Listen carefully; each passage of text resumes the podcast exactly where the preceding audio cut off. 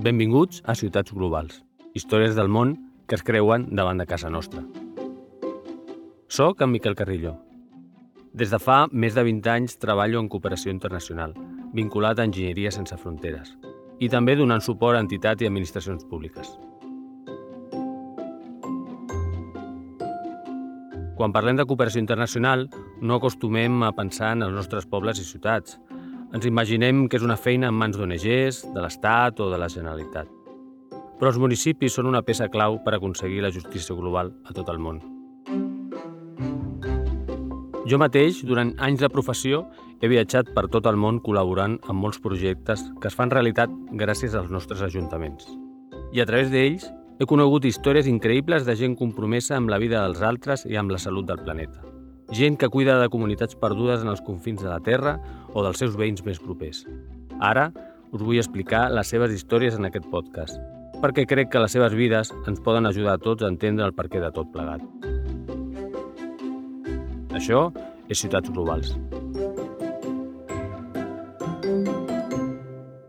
Avui parlarem d'un gest tan habitual per nosaltres que el fem cada dia diversos cops sense ni pensar-hi.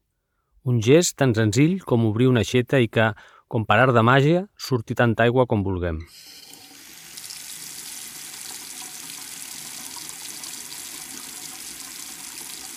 He tingut la sort de participar amb Enginyeria Sense Fronteres en un munt de projectes sobre la gestió de l'aigua arreu del món. I les situacions amb les que em trobo no són molt diferents de les que es vivien a Espanya fa només 40 anys. En aquella època, en plena transició, un jove sortit de la Facultat d'Enginyeria de Ponts y Camins va entrar a treballar a la Diputación de Sevilla. Eso fue en el año 83, primero del 84, y no es como ahora, ¿no? No tiene nada que ver. Había muchos déficits de infraestructuras de todo tipo en los municipios de Sevilla, ¿no? Yo me encontré, bueno, pues pueblos sin agua, por supuesto sin línea eléctrica, sin saneamiento, aislados, ¿no? Poblados. Entonces, la verdad es que tuve mucha oportunidad de hacer mucha obra que resolvía problemas, ¿no? Y aquello me, me realmente me ilusionó. Ell és el Jaime Morell, un vell amic i company de moltes batalles junts. Quan van començar, hi havia molta feina per fer al nostre país i Espanya rebia ajuda d'ONGs de tot el món. Però ben aviat van mirar més enllà.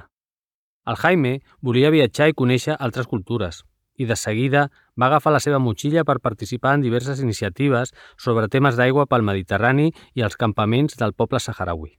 Sempre en projectes que van molt en la línia d'aquest podcast, des de la base, fugint de la cooperació oficial dels estats. La cooperació en, en su conjunto, claro, yo llevo muchos años, no es más que un, una rama que depende de un departamento, un algo que depende del Ministerio de Asuntos Exteriores de cada país para hacer política. Eso es clarísimo. Pero ¿qué ocurre? Que si llevamos 25 años del 2000 eh, de ayuda al desarrollo y vemos que no se está generando desarrollo en los países, pues eso es que está fracasando. ¿eh? Yo puedo hablar del sector agua porque he trabajado en muchos países y, y veo cómo se avanza y no se avanza. perquè estan muy lejos del problema. Però des de ciutats globals ja hem vist diversos casos en els que administracions més petites com els ajuntaments i entitats socials que neixen dels propis ciutadans solidaris acaben tenint un impacte molt més real que els de les grans xifres i les grans inversions que ocupen portades. Yo he trabajado mucho con la cooperación descentralizada, o sea, la, la cooperación que parte de los eh, municipios, ayuntamientos, fondos, y tiene una virtud, que es que puedes trabajar con pequeñas comunidades, con pequeñas, eh, puedes buscar soluciones saltándote al Estado. Y a partir de ahí, pues eh, eh, yo me sensibilicé mucho en el tema del agua porque mm, pues yo defendía la, la, gestión pública, vi los excesos de los privados, los conocía con mucha claridad, ¿no? Y ya me empezaron a llamar de muchos sitios, ¿no? y de, la, y de la cooperación descentralizada, por ahí llegué a Cuba. Y allí que me fui. A mí coger un avión me cuesta nada.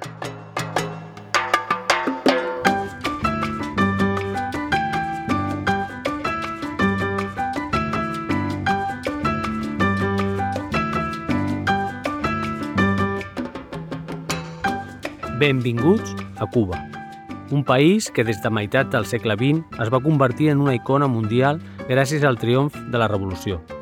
La victòria de Fidel Castro va comportar molts canvis per al país, però avui parlarem sobretot del que va viure un petit poble de la província d'Holguín, Jibara. Allà és on va néixer en José Freire.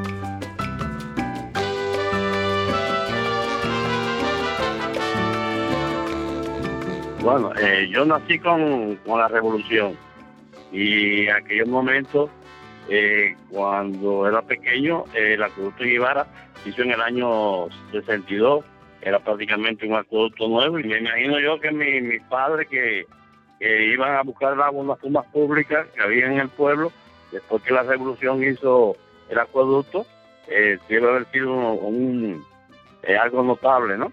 el servicio que en ese momento estaba apretado porque en Ibarra no había acueducto y se hizo un acueducto nuevo por la revolución.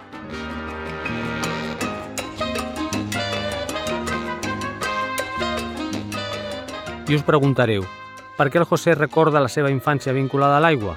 Doncs perquè avui, 60 anys després, és el director de l'aqueducte de Jibara. Com ell mateix diu, a diferència dels seus pares, ell va créixer sense restriccions d'aigua. Li arribava a casa tots els dies de l'any però amb el temps la falta de manteniment d'aquell aqueducte tan nou va anar seguint un procés similar al del règim cubà.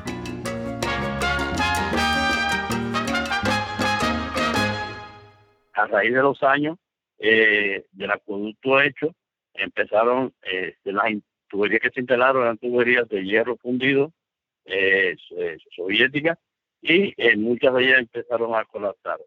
Después, eh, esas tuberías tienen de de vida útil aproximadamente sobre los 30 años de vida, útil y ya a partir de ahí fue cuando empezaron los, problemas a surgir en el acueducto de Jibara. Empezaron los salideros, ya cuando uno cogía agua diaria ya empezaban los ciclos de distribución eh, a, fallar, es decir, que no podíamos coger agua todos los días porque había muchas roturas y eso trajo prácticamente un colapso al sistema y las pérdidas eran prácticamente eh, incalculables. Estamos hablando d'un 60% de pérdida. Us imagineu que avui en dia, amb tot el canvi climàtic que estem vivint, amb la desertització creixent de moltes zones del planeta, amb el valor que des de fa uns anys té l'aigua i el que sabem que tindran al futur, amb tot això, us imagineu que de sobte ens adonéssim que la nostra xarxa de distribució està perdent el 60% de l'aigua que tenim? Quasi sembla impossible. Doncs aquesta és la situació que es va trobar el José quan va començar a dirigir l'aqueducte de Jibara als anys 90. Amb la mancança de recursos del país, les fugues d'aigua, o com diu el José, los salideros, no es podien reparar. Per sort, la gent no patia una falta de subministre gràcies a que la zona gaudia de molta pluja al llarg de l'any. Però a partir del 2000, les precipitacions van començar a minvar i a la província d'Holguín, com a tantes altres zones del món, va aparèixer una sequera devastadora. Y en estas condicions, de seguida apareixen las restriccions. El sufrimiento de no tener agua es algo que hay que, que, eh, pasarlo por carne para uno poder definir si, si sufrir o no sufrir, ¿no? Eh, cuando no hay agua, se están limitando las cuestiones de la alimentación, el bienestar de la población y todas esas cosas. Porque sin agua no hay agricultura, sin agua, eh, imagínese usted en, su casa, eh, la lavadera, la fregadera, eh, la alimentación, todo se hacía un poco difícil porque el agua estaba, en ese momento estaba limitada, no llovía, era muy poca las precipitaciones y el agua que se enviaba no era agua de, de mucha calidad y se le informaba a la población que a pesar de que se le echaba el cloro el agua, que debían hervir el agua para que evitaran cualquier tipo de, de enfermedad, ¿me entendió? La població de Jibara es va haver d'adaptar perquè l'aigua ja no arribava tots els dies i quan n'hi havia només se suministraba durant algunes hores. Teníamos que planificar las acciones que uno debía hacer en la población, no lo hacía como anteriormente, que usted se levantaba por la mañana y decía, hoy mi, mi esposa va a lavar y como tenía agua lavaba, ya con el tema de la sequía, eh, tenía que planificar. Eh, el día que nos toca lavar está el día, porque es el día que van a poner agua y aparte de que estaba planificado, tenía también que ahorrarla porque no era como como normalmente se hacía, sino que tenía que planificarse todas las, todas las cosas que se hacían, había que planificarla porque el agua no, no estaba todos los días, por la, en la sequía y era bastante crítico. Quan la Revolució Cubana construeix l'aqueducte de Jibara, a principis dels 60, la població no arribava als 4.000 habitants. Però quan comença la sequera, a principis del 2000, la xarxa d'aigua donava servei a unes 70.000 persones. Amb les canonades deteriorades, la manca de pluges i l'augment de la població, la situació es va tornar insostenible. En aquell moment, Cuba demana ajuda a l'ONU, que porta una comissió d'experts a Holguín, entre ells el meu amic Jaime, que durant 20 anys había viscut experiencias similares en países como El Salvador o Nicaragua. Bueno, ellos realmente, como siguen viendo la cooperación en todo el mundo, es eh, con la chequera, ¿no? Pues llegan los que tienen dinero a ver qué hacen, ¿no? A ver qué... Y yo, pues realmente, mm, primero que no llevábamos una chequera lo suficientemente grande como para arreglar Holguín, y sobre todo que en dos días de trabajo les demostré que mm, aquí no había posibilidad alguna de resolver esto si no se optimizaba la gestión, ¿no? Si no, eh, los pocos recursos que había llegaban a la población. Yo tengo fotografías donde cuando abrían, para que llegara a un 10%, se perdía un 90, un 80. Entonces las calles se inundaban como si hubiera llovido torrencialmente, ¿no? Entonces manejar eso, pues 200 pozos, 120 cubas, tal, pues, un desastre, imposible, ¿no? En la primera reunió de la Comissió Holguín, el Jaime s'adona que caldrà lluitar contra les típiques inèrcies de la cooperació oficial. Ellos querían plantear, como siempre, necesitamos dinero para hacer conducciones, necesitamos dinero para hacer presas o necesitamos dinero para hacer embalses o lo que fuera, ¿no? pozos, lo que fuera. Y, y yo les planteé un modelo diferente. Tenemos que hacer un proyecto de desarrollo que resolvamos un problema y que quede en el tiempo. Eh, que sea sostenible, ¿no? Yo ese modelo lo tenía claro, o sea, el ir a hacer infraestructuras, que al final son eh, unos fondos que se dan a las empresas del país que sea, porque no solo es España, todo funciona así, para hacer infraestructuras que muchas veces ni las han pedido, ni las saben utilizar, ni las pueden sostener y que no resuelven el problema, pues no es más que subvencionar a las empresas, eh, básicamente, y generar una frustración. ¿no? Per desencallar la situació, el Jaime té una idea i proposa a les autoritats d'Holguín que es realitzi una prova pilot de gestió eficient de l'aigua en algun dels municipis de la província. I li parlen de Jibara, que reunia moltes de les condicions idònies, com la seva situació geogràfica o l'existència d'un aqueducte en mal estat. Però per damunt de moltes consideracions tècniques, el Jaime va veure que el projecte era viable per la implicació d'una persona que va conèixer Jibara, el José. O més ben dit, com tothom el coneix, el Freire. el compromiso lo hice yo. Eh, de allí del acueducto estaba yo solo prácticamente y yo hice compromiso que si el proyecto lo tenía Ibarra y, y, íbamos a cumplirlo. Son casualidades, pero son complicidades personales. ¿eh? Claramente alguien que, que entendía de, de, lo que yo estaba hablando, aun siendo un miembro activo del Partido Comunista, muy, muy involucrado en tal, y muy acostumbrado a recibir a gente y contar lo que había que contar y lo que no, no, conmigo se soltó. ¿eh? Y empezamos a hablar. Él tiene buen humor, yo también, nos bebemos mucha cerveza. Por las noches salimos y nos bebemos muchos chupitos de ron. Y me fue contando cosas, ¿no? Y entonces yo creo que lo ilusioné, lo ilusioné de que era un proyecto que podíamos hacer y poco a poco tuvimos una cierta complicidad, ¿no? ya aproveché y le, me dije, enséñame las oficinas, enséñame la conductora, enséñame... Me conocí todo aquello y le propuse inmediatamente, cuando ya conocí aquello, lo pensé un poco, le propuse a todos que el proyecto piloto tenía que ser Jibara. Y Freire se lo creyó, era nuestro hombre allí. Para mí fue eh, bastante beneficioso en lo personal y cuando yo di la noticia al pueblo aquí, Imaginarse que a pesar de la sequía que Gibaro tenía, que era un problema de que no había agua, fue en ese momento haz de luz que nos vino con la situación que teníamos tanto para mí como persona como para los trabajadores del acueducto y para el pueblo de Gibaro.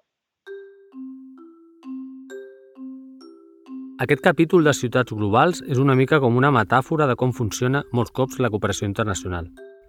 perquè només per explicar com es va decidir fer el projecte de Jibara eh, ja m'he gastat la meitat del temps. I el Jaime i el Freire encara els quedava començar a executar les diferents fases del projecte. Al principio, eh, las cosas cuando comienzan siempre se hacen bastante difíciles. Eh, empezando que para mí, para mí fue difícil en el, en el sentido de cada vez que uno hablaba de gestión del agua, eh, mm, no sé qué es eso, mm, la gestión, la gestión y la gestión, y hablamos de gestión, y para nosotros la gestión en aquel momento era algo que no conocíamos mucho, pues nosotros era dar agua y ahorrar agua, dar agua y ahorrar agua. Y la gestión no es solamente dar agua y ahorrar agua, sino darla con eficiencia. I aquí va entrar en joc un municipi català, el Prat de Llobregat, perquè el Jaime va descobrir que estaven agermanats en Jibara i que Aigües del Prat ja havia fet algunes millores aïllades en la potabilitzadora. Quan el Jaime es va posar en contacte amb ells, la resposta va ser una implicació total que dura fins al dia d'avui. Lluís Tejedor, alcalde del Prat durant 39 anys, ho recorda així. identificamos de que Jibara y concretamente pues las, la, las gente de, de, Jibara seguro que serían eh, receptoras de, de, nuestra cooperación en temas vinculados a la educación, a la sanidad y a un tema específico que luego ha sido el hilo conductor de la cooperación que es el agua. De manera que establecimos este contacto, se hizo un protocolo de hermanamiento, se hizo una primera visita oficial y como casi siempre sucede en el caso de Cuba, cuando vas te quedas enamorado.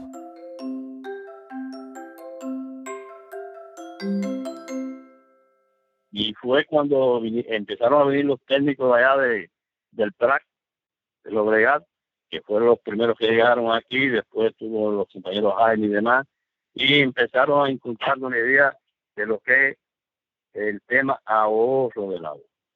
A, a, la raíz del año fue que empecé a interiorizar el tema de la gestión y ahí empezamos a, a llevar eso al resto de los compañeros en el del sentido de que mucha agua se perdía y otra que no, no se ahorraba, prácticamente no se ahorraba. La solución no es agua, la solución es no perderla. Es, lo que tenemos que hacer es intentar eh, garantizar que no se pierda. Y hubo que empezar a explicarle a la gente que tenía que consumir menos y más racionalmente. Y la gente que no tiene servicio estable no escatima, uh, no, no piensa eh, a veces lo que, lo que vale lo que vale producir un metro cúbico de agua. Una de las cosas eh, importantes del proyecto fue la sensibilización a la población, a, a, cada casa de Jibara, a cada escuela, a cada niño, a cada persona, que sepa que lo que el agua es un bien preciado y que hay que ahorrarla. Y, y esto está fuera de, de, este proyecto, es un proyecto a nivel nacional que tiene que formar parte de una cultura, ¿no? Oye, qué lástima que no trajimos una eléctrica de verdad, de la que estamos comprando. ¿Tiene una ahí? Tráigame una. Vean.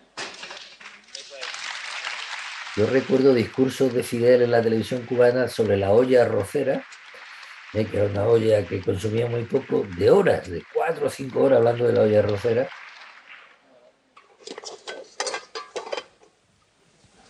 Ya se cierra sola. Después, cuando pasan algunos minutos, la revuelven un poco. Y realmente, eh, a mi gusto, prepara el arroz muy bien y lo que ha gastado y calcule lo que ahorra una olla de esta. Una cultura eficient de l'aigua implica aquesta consciència de la ciutadania. Però quan tens unes canonades soviètiques de 50 anys, el consum responsable no és suficient. El punt de partida era una xarxa que perdia el 60% de l'aigua que es transportava. Encara que no ho sembli, davant d'un problema com aquest, potser no calen grans infraestructures ni pressupostos. Tot depèn, més aviat, de com s'inverteixin. Entonces recuerdo que la primera fase era eh, demostrarles que mmm, controlando los consumos podíamos llegar a abastecer a la población y sin tener que hacer inversiones importantes en captar agua y que la inversión fuera en mejorar las redes. Y una de las primeras problemáticas era tratar de eliminar eh, los salideros que habían para ir un poco que, que ir eliminando las pérdidas de agua.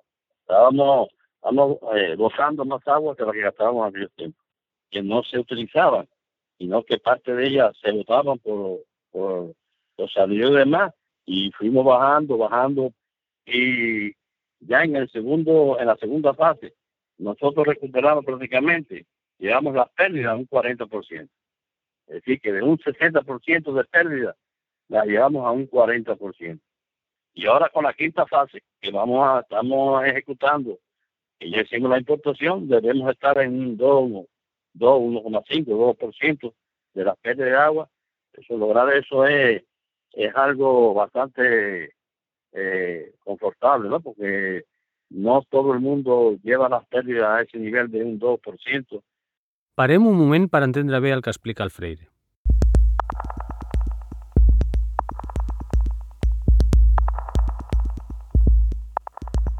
Perquè ens fem una idea, l'ONU considera que el consum normal d'aigua d'una persona està entre els 50 i els 100 litres al dia.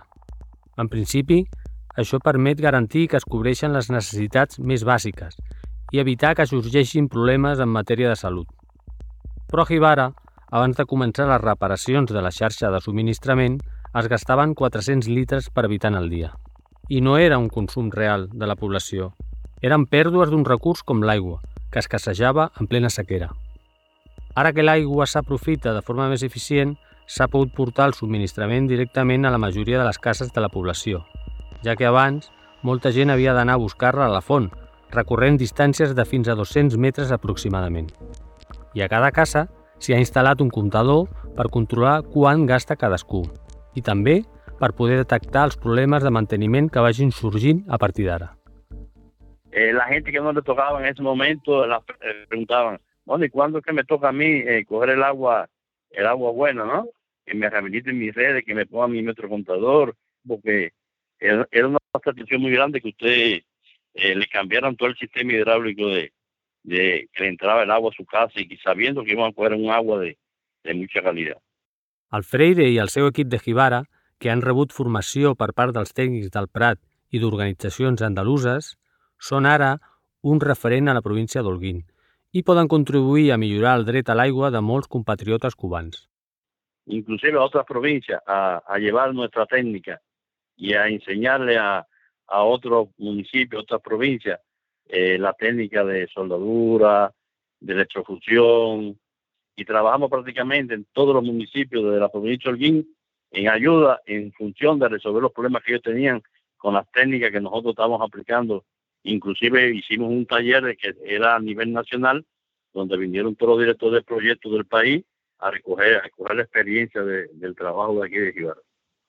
Com us deia al principi, he pogut participar en molts projectes de gestió de l'aigua en diversos països. Però aconseguir aquest nivell d'autonomia en un equip local no és gens comú.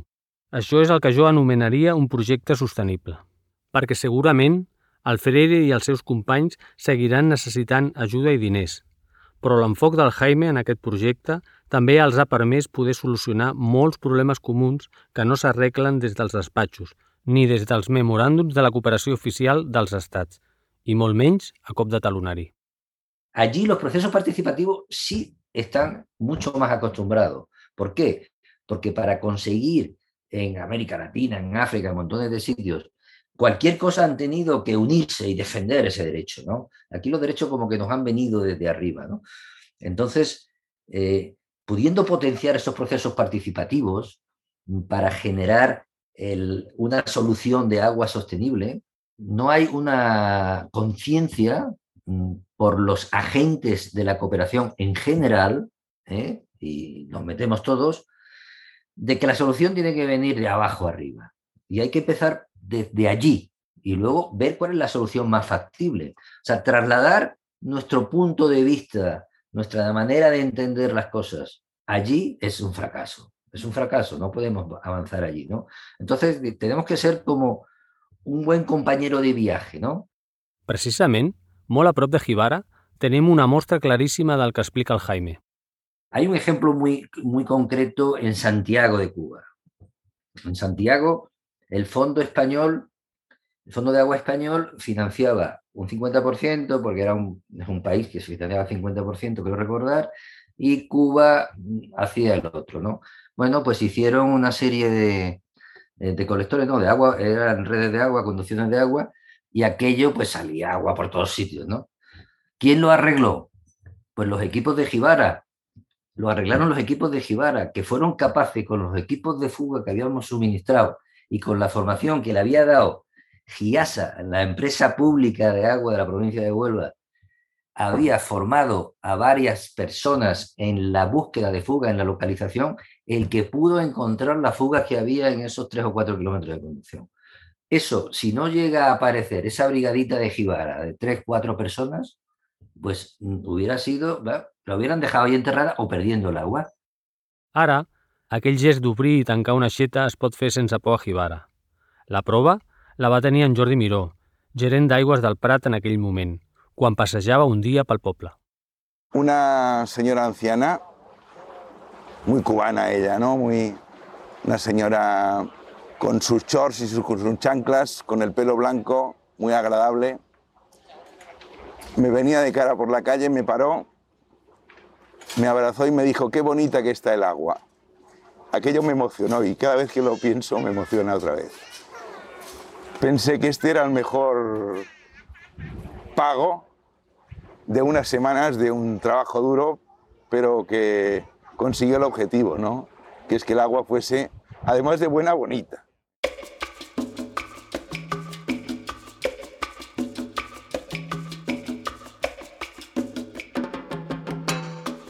En els últims anys, Jibara està creixent i s'han creat nous llocs de treball. Encara que sembli mentida, un projecte com el de la gestió sostenible de l'aigua ha posat aquesta població en el mapa de Cuba. Jibara era un pueblo de pescadores, un pueblo de agricultores, mucha agricultura, y se desarrollaba sobre la base de la agricultura y la pesca. Y tenemos un astillero, tenemos una fábrica de producción de, hilo, y sobre esa base el pueblo se desarrolló. Eh, en los últimos cinco años Ibarra ha, ha tomado un desarrollo con, con, el tema del turismo, con el tema del turismo muy importante. Eh, eso está, el proyecto ha traído consigo todas esas cosas también, porque sin agua no hay desarrollo de ningún tipo de actividad. Es un hito que en Cuba, eh, donde mm, además administrativamente todo es muy complejo, pues hayamos conseguido que efectivamente la gestión eh, haya mejorado con una inversión muy, muy acotada y que realmente si avanzáramos un poco más, pues podríamos llegar a tener una gestión sostenible, vamos, a, al nivel de cualquier ciudad española, vamos. Y sabemos que lo están haciendo sin ningún tipo de, de interés y les vamos a agradecer toda la vida lo que están haciendo por, por el rival y por el agua.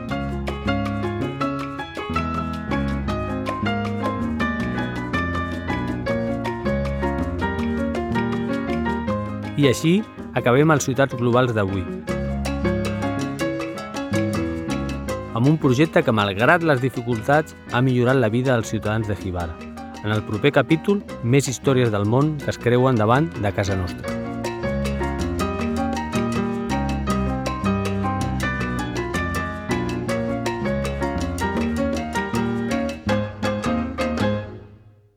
Ciutats Globals és possible gràcies al Fons Català de Cooperació al Desenvolupament. Compta amb el suport de la Diputació de Barcelona i la col·laboració del diari Ara.